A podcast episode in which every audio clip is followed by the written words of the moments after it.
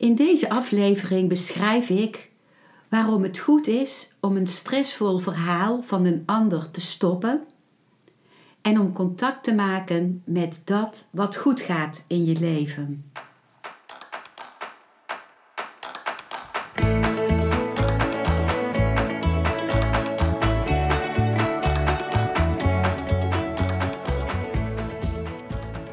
Welkom bij een nieuwe aflevering van Modita's podcast Van Pijn naar Zijn.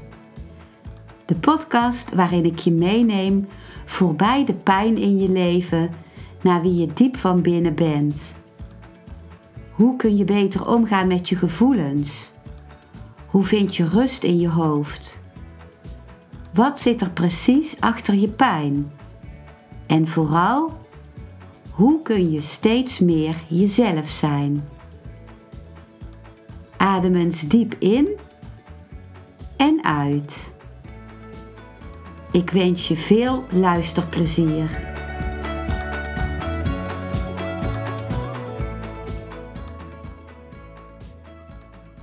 Ik begin met de woorden die ik ook heb gesproken in het filmpje op mijn YouTube-kanaal met dezelfde titel als deze podcastaflevering.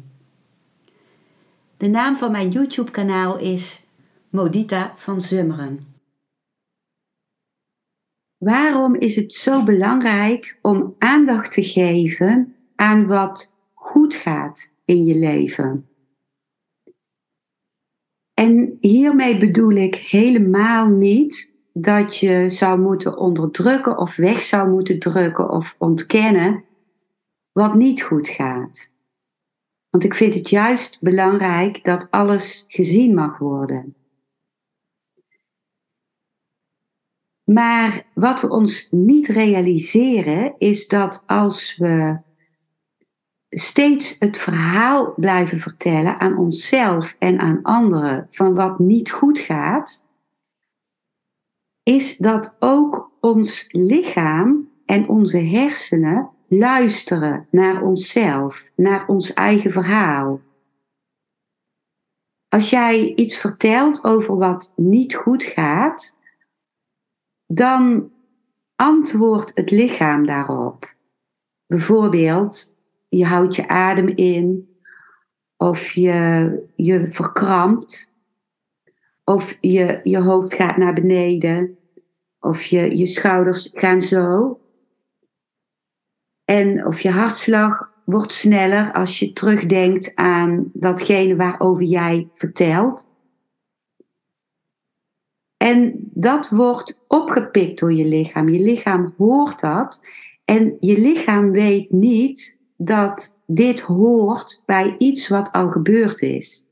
Het lichaam pikt die signalen op en je hersenen pikken die signalen op. En die denken, oh, dat bedreigende wat jij vertelt of dat erge wat jij vertelt, is hier en nu aan het gebeuren. En dan gaat het lichaam daar weer op reageren. Die gaat hormonen maken, bijvoorbeeld adrenaline. Die gaat het, het zenuwstelsel inschakelen wat gericht is op gevaar of op angst.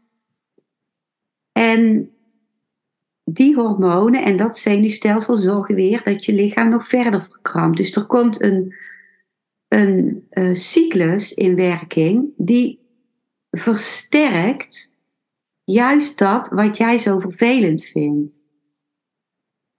Dus dat is ook de reden waarom als iemand bij mij komt voor een consult, en met name voor een, een traumaconsult, en heel veel gaat vertellen over uh, de traumatische gebeurtenis bijvoorbeeld, dat is de reden dat ik die persoon dan stop.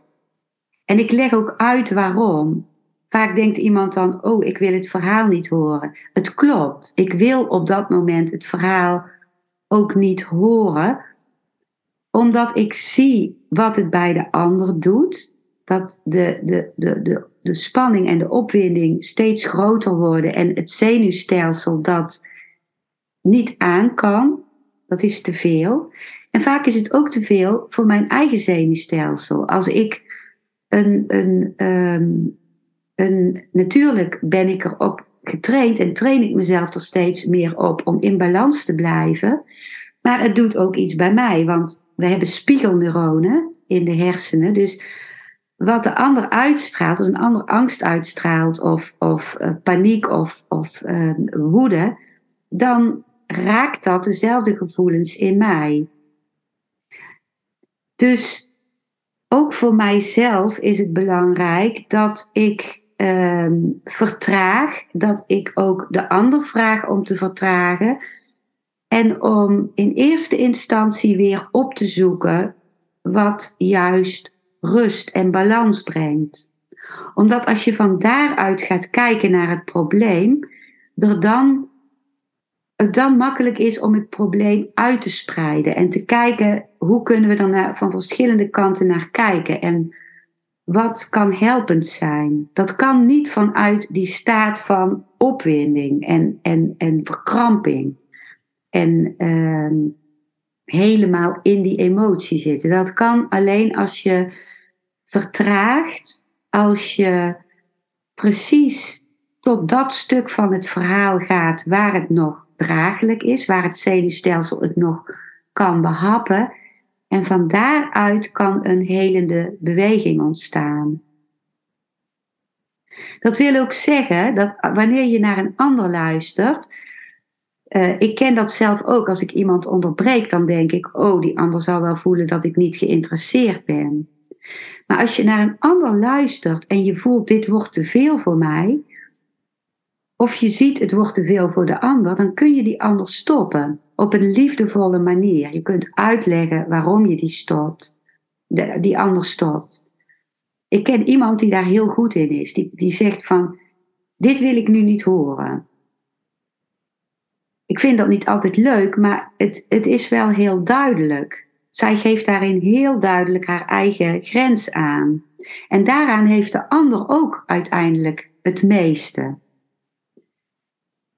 Het kan helpend zijn om gestopt te worden. En dat heeft niks te maken, helemaal niks, met dat de ander geen belangstelling heeft voor jou.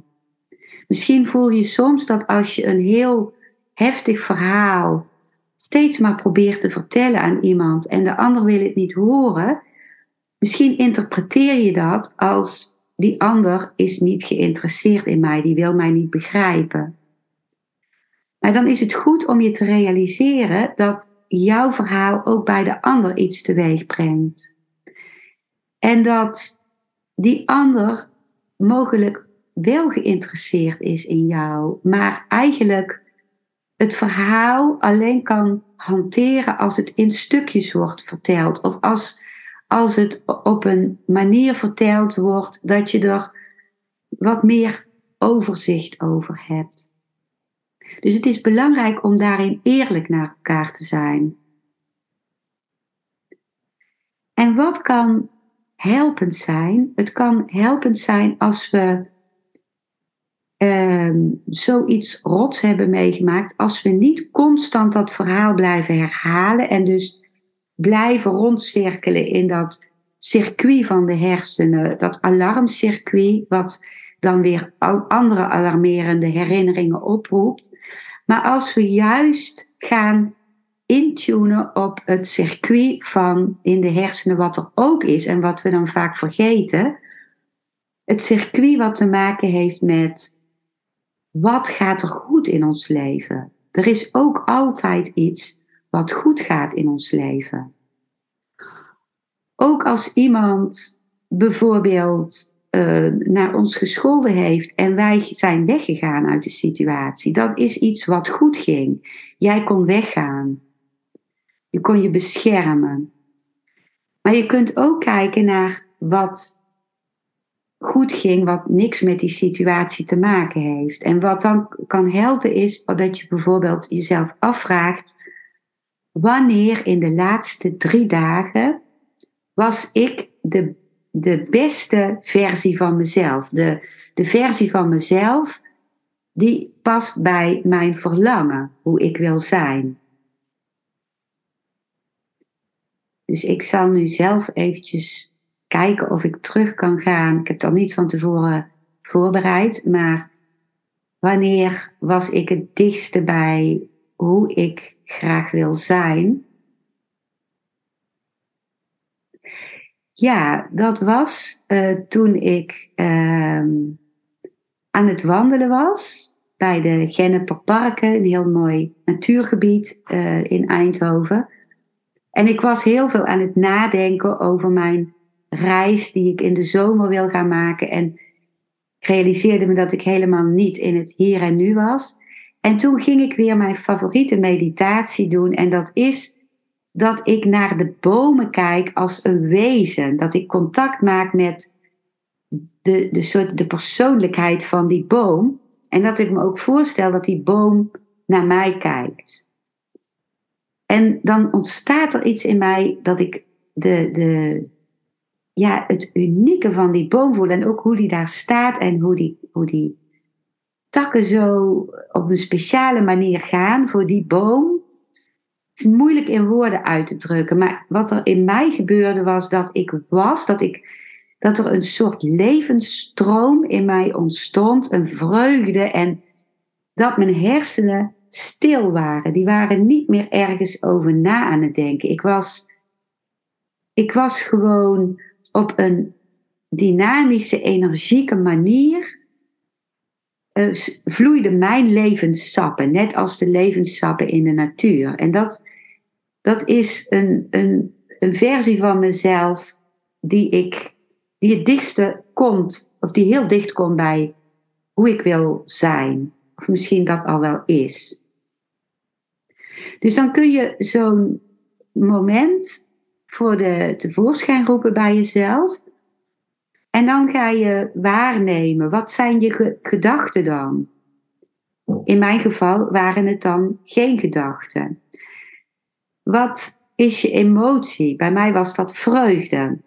Wat, wat gebeurt er in je lichaam? Bij mij was dat dat ik heel energiek ging lopen. Bijna dansend of springend, heel verend, verend van energie. En wat is je gedrag? Dat was bij mij uh, energiek lopen. En wat zijn je lichaamssensaties? Dat was bij mij een stromend gevoel. En als ik daar dus contact mee maak, dan activeer ik iets in mezelf wat, positiviteit aantrekt, wat, wat mij een krachtig gevoel geeft, wat me een, ook een ontspannen gevoel geeft. En dat trekt weer andere dingen aan, omdat de hersenen dan ook en je lichaam komen dan ook in die staat. En nodigen ook weer andere dingen uit. Dan, dan herinner je ook ineens weer andere dingen die daarmee te maken hebben soms. Of, of je, je hebt zin om nog meer energieke dingen te gaan doen. Of nog. Ehm, eh, ja, het activeert een ander stuk. Wat ook van jou is. En als je dit een leuke oefening vindt, dan kun je ook gaan kijken wat was de beste versie van mezelf. Wat was het dichtste bij hoe ik wil zijn. Ehm, drie weken geleden. En wat was de beste versie van mezelf drie maanden geleden. Dat is ook een oefening die ik heb gedaan in de, in de trauma helings uh, training die ik volg. Drie jaar een, een training van drie jaar. Somatic Experiencing training. En uh, ik ervaar het als een hele kostbare oefening.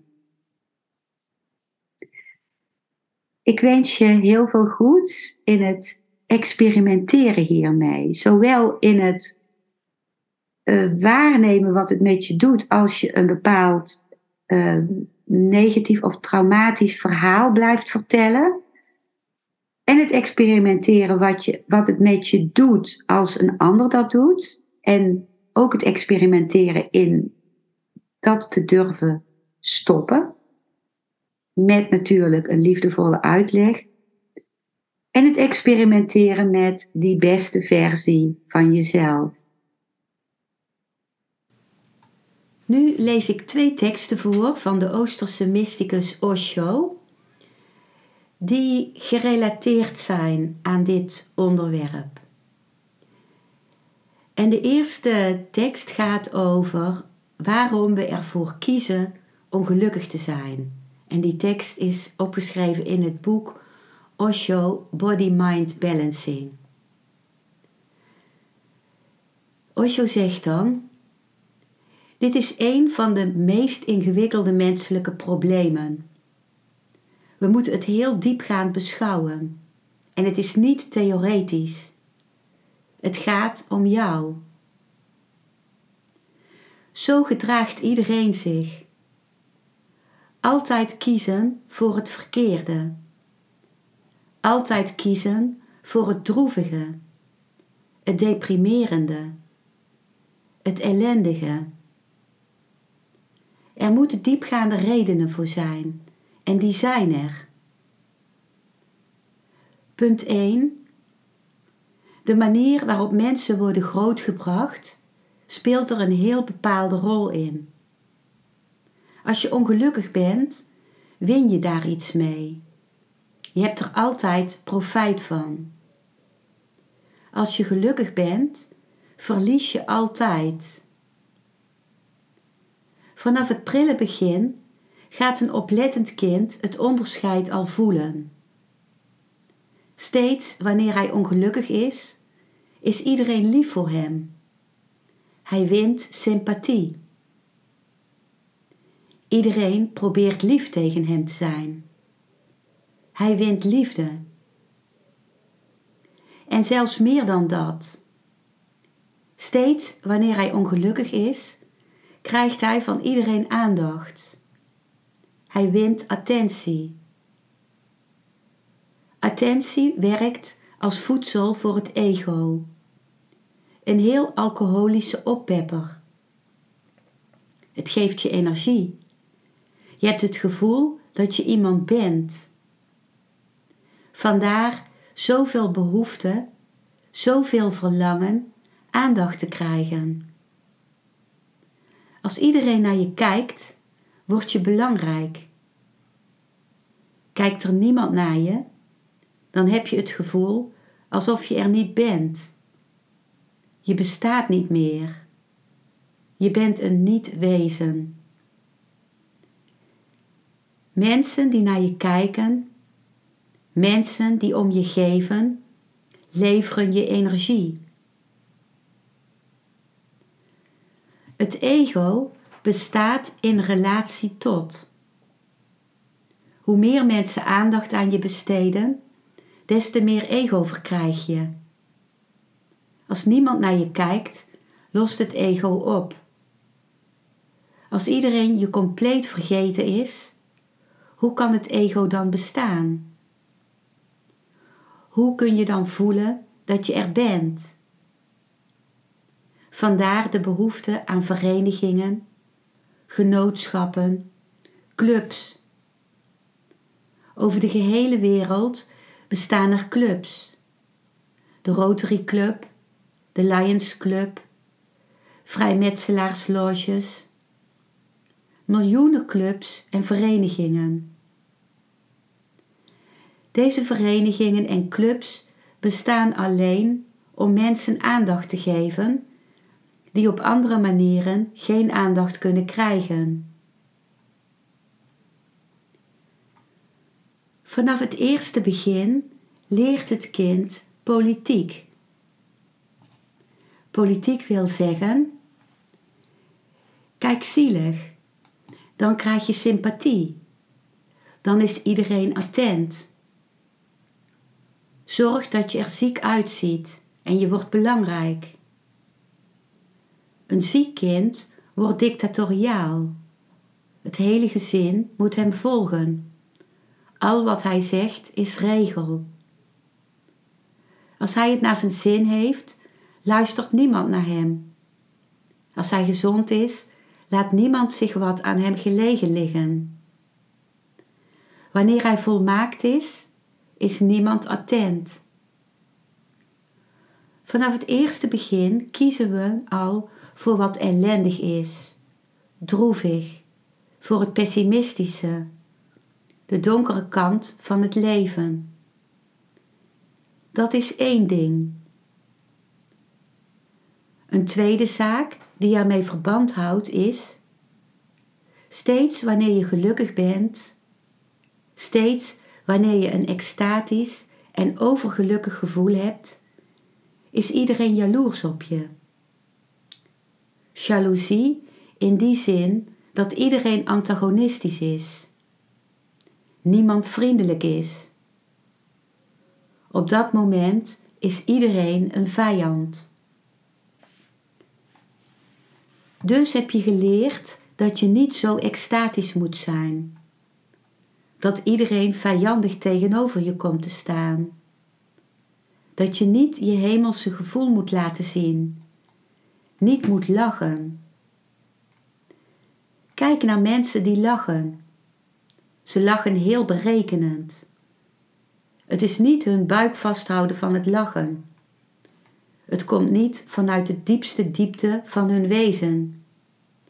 Ze kijken eerst naar jou. Dan hebben ze een oordeel. En dan lachen ze. En ze lachen tot een bepaalde hoogte.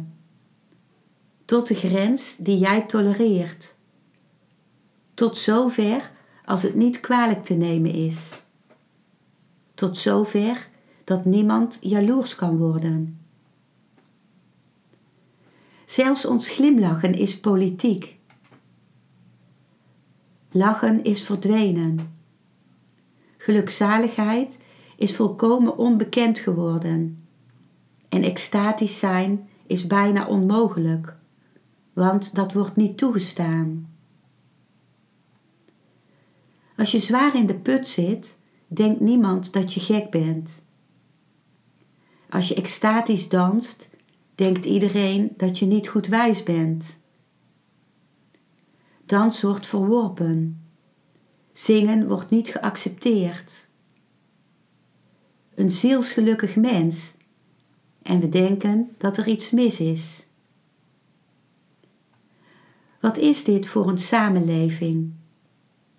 Als iemand diep ongelukkig is, is alles oké. Hij past in het patroon, want de hele samenleving is min of meer miserabel. Hij is lid. Hij hoort bij ons. Als iemand echter extatisch wordt, denken we dat hij helemaal gek geworden is, krankzinnig. Hij hoort niet bij ons en we voelen jaloezie. Uit jaloezie veroordelen we hem. Uit jaloezie proberen we op alle mogelijke manieren hem weer in zijn oude toestand terug te brengen. Die vroegere toestand noemen we normaal zijn. Psychiaters helpen wel. Psychiaters helpen die mens weer naar de normale ellende te brengen.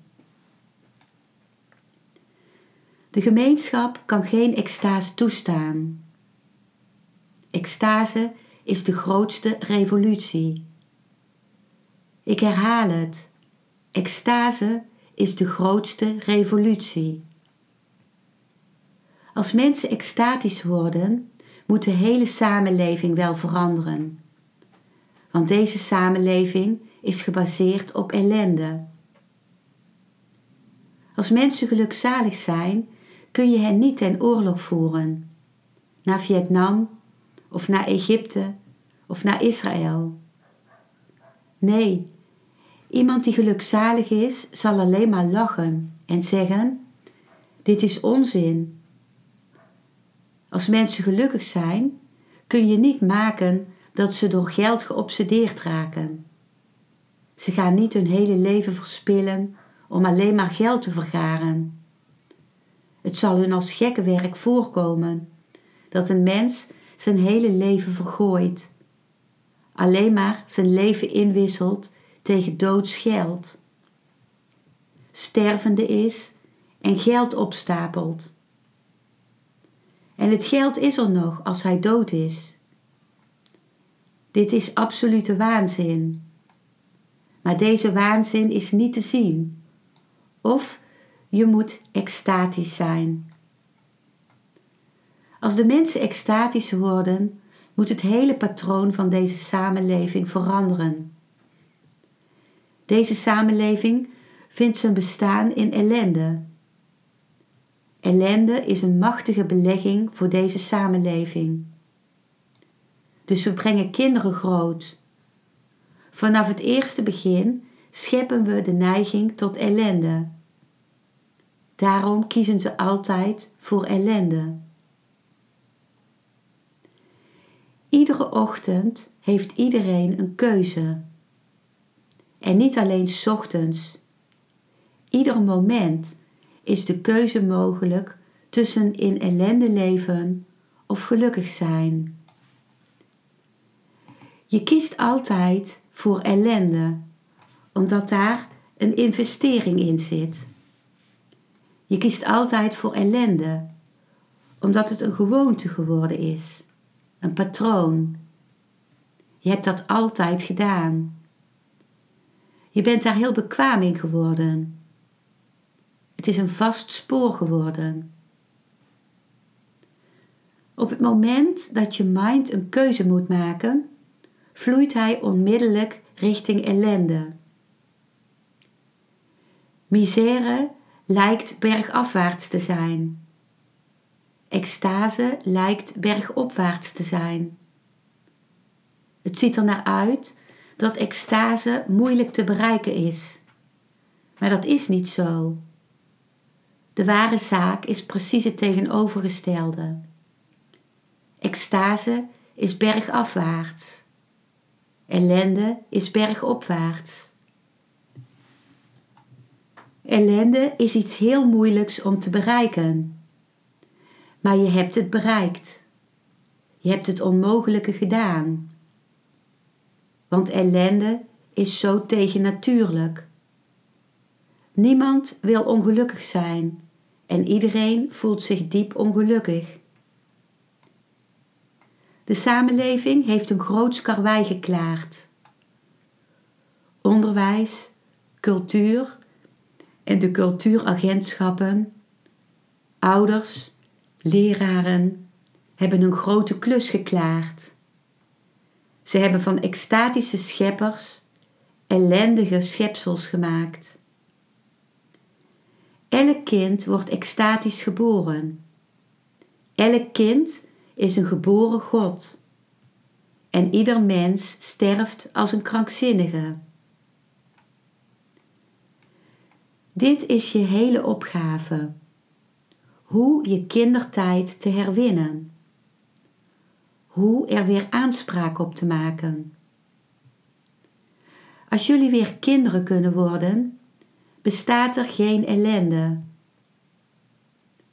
Ik bedoel niet dat er voor een kind geen momenten van ellende zijn. Die zijn er wel, maar toch is er geen ellende. Probeer dit te begrijpen. Een kind kan heel verdrietig worden. Hij kan ongelukkig zijn. Intens ongelukkig op een moment. Maar hij is zo totaal in dat ongelukkig zijn. Hij is zo één met dat ongelukkig zijn dat er geen scheiding is. Het kind bestaat niet los van het ongelukkig zijn. Het kind kijkt niet naar zijn ongelukkig zijn, is er niet van afgescheiden, is er niet van afgesplitst. Het kind is het ongelukkig zijn. Hij is daarin totaal verwikkeld. En als je één wordt met het ongelukkig zijn, is ongelukkig zijn niet ongelukkig zijn. Als je er zo één mee wordt, dan heeft zelfs dat een charme van zichzelf. Dus kijk naar een kind, een onbedorven kind bedoel ik. Als hij boos is, wordt zijn hele energie boosheid. Niets is er achtergebleven. Geen stremming. Hij is in beweging gekomen en is woede geworden. Er is niemand die manipuleert en die het in bedwang houdt. Er is geen mind. Het kind is woede geworden. Hij is niet woedend, hij is de woede geworden. En let dan op de schoonheid, het opbloeien van woede. Het kind ziet er nooit lelijk uit. Zelfs in woede ziet hij er schitterend uit. Hij ziet er intenser uit, vitaler, levendiger. Een vulkaan, klaar voor de uitbarsting. Zo'n klein kind, zo'n machtige energie, zo'n atomisch wezen, met het hele universum, met het hele universum om in uit te barsten. En na deze woede is het kind stil. Na deze woede is het kind heel vredig. Na deze woede ontspant het kind zich.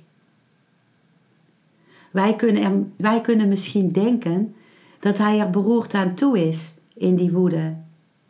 Maar het kind voelt zich niet ellendig. Hij heeft ervan genoten.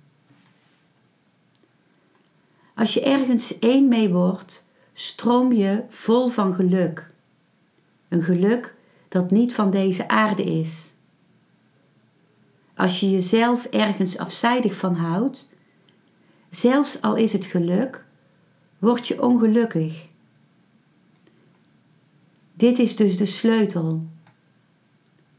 Afgescheiden zijn als een ego is de basis van alle ellende. Eén zijn, stromend zijn met al wat het leven je brengt, er intens bij betrokken zijn, zo volledig dat je niet meer bent, dat je verloren bent gegaan, is alles als vol ervaren van overweldigend geluk.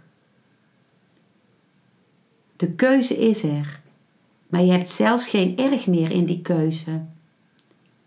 Je hebt zo voortdurend het verkeerde gekozen. Het is zo'n ingesleten gewoonte geworden dat je het simpelweg automatisch kiest.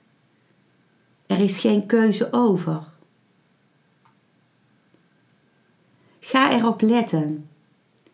Iedere keer als je de keuze maakt ellendig te zijn, denk er dan aan. Dit is jouw keuze.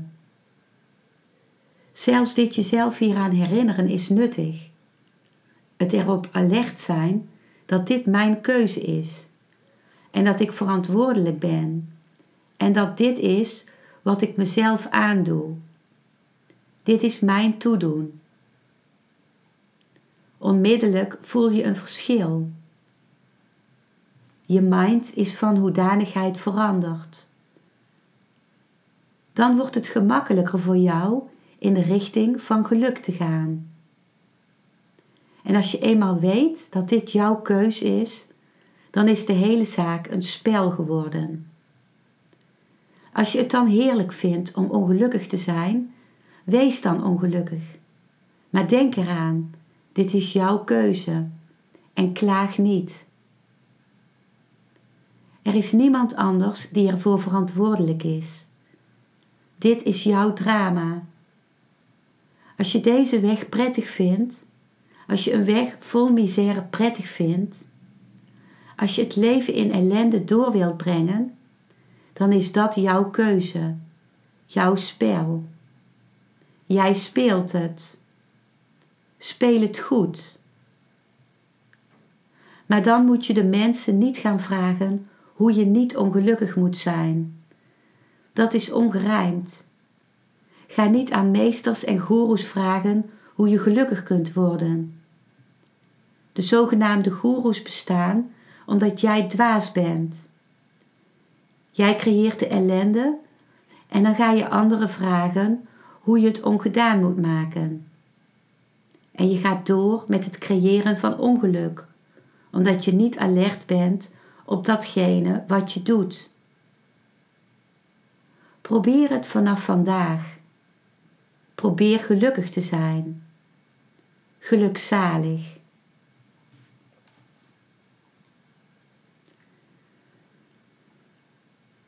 Dan lees ik nog een tekst van Osho en die gaat over het waarderen van je onbewuste staat. En dat stuk is opgeschreven in het boek Osho, de eerste en de laatste vrijheid.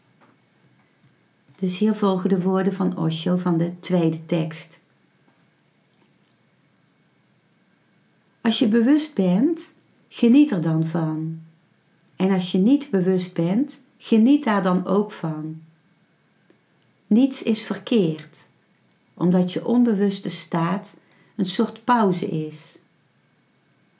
Anders zou bewustzijn te vermoeiend worden. Als je 24 uur per dag wakker bent, hoe denk je dan in leven te kunnen blijven? Een mens kan drie maanden zonder voedsel leven, maar zonder slaap wordt hij binnen drie weken gek en zal hij proberen zelfmoord te plegen. Overdag ben je alert. S'nachts kun je ontspannen. Die ontspanning helpt je om overdag weer verkwikt en alert te zijn. De energie heeft een rustperiode doorgemaakt, zodat hij ochtends weer opnieuw tot leven kan komen. Hetzelfde gebeurt in meditatie. Het ene moment ben je totaal bewust, op het toppunt. Het volgende moment ben je in het dal, in rust. Het bewustzijn is verdwenen. Je bent het vergeten. Maar wat is daar verkeerd aan? Het is heel eenvoudig. Het bewustzijn gaat door een periode van onbewustzijn heen en komt weer verfrist en jong tevoorschijn. En dat herhaalt zich steeds. Als je van beide kunt genieten, kun je de derde worden. Dat wil zeggen dat als je van beide kunt genieten, dit betekent dat je geen van beide bent. Bewustzijn, nog niet bewustzijn. Je bent degene die van allebei geniet. Er komt iets tevoorschijn dat daar bovenuit gaat. In feite is dat de werkelijke getuige. Je geniet van vreugde. Is daar iets verkeerds aan? Als de vreugde verdwenen is en je verdrietig bent, is daar dan iets verkeerds aan? Geniet ervan. Zodra je in een staat bent van verdriet te genieten, ben je geen van beiden. Ik zeg je, verdriet heeft zijn eigen schoonheid. Vreugde is een beetje oppervlakkig. Verdriet gaat heel diep, heeft een eigen diepte. Iemand die nooit verdrietig is geweest, kent geen diepgang, maar blijft aan de oppervlakte. Verdriet is heel diep, als een donkere nacht. Duisternis heeft een eigen stilte, evenals verdriet. Vreugde is bruisend, ze heeft een eigen klank. Vreugde is als een bergrivier met een eigen geluid. Maar een bergrivier kan nooit erg diep zijn. Zij is altijd ondiep. Als de rivier de vlakte heeft bereikt, wordt zij diep en verdwijnt het geluid. Ze stroomt wel, maar het lijkt alsof ze stilstaat. Verdriet heeft diepgang. Waarom zou je het je moeilijk maken? Als je blij bent, wees dan blij. Geniet ervan.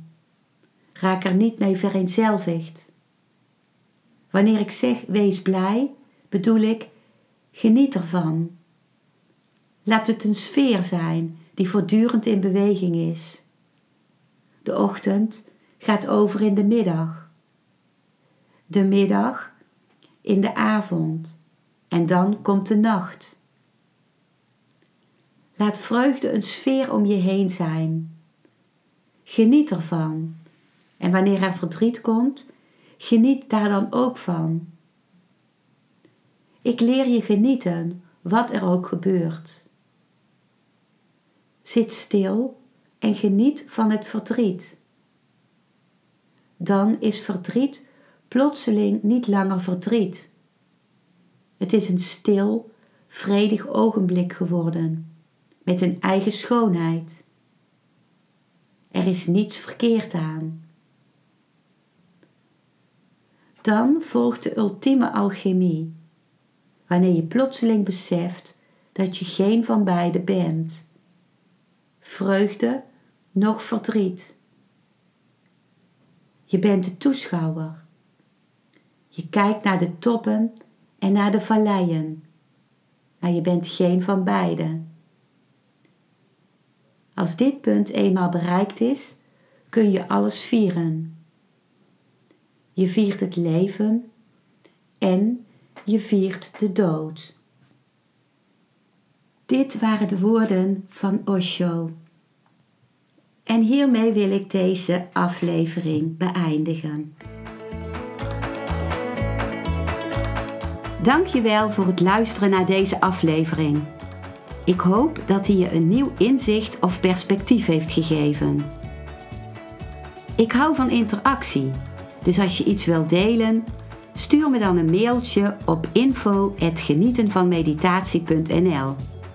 Ik geef je dan altijd antwoord.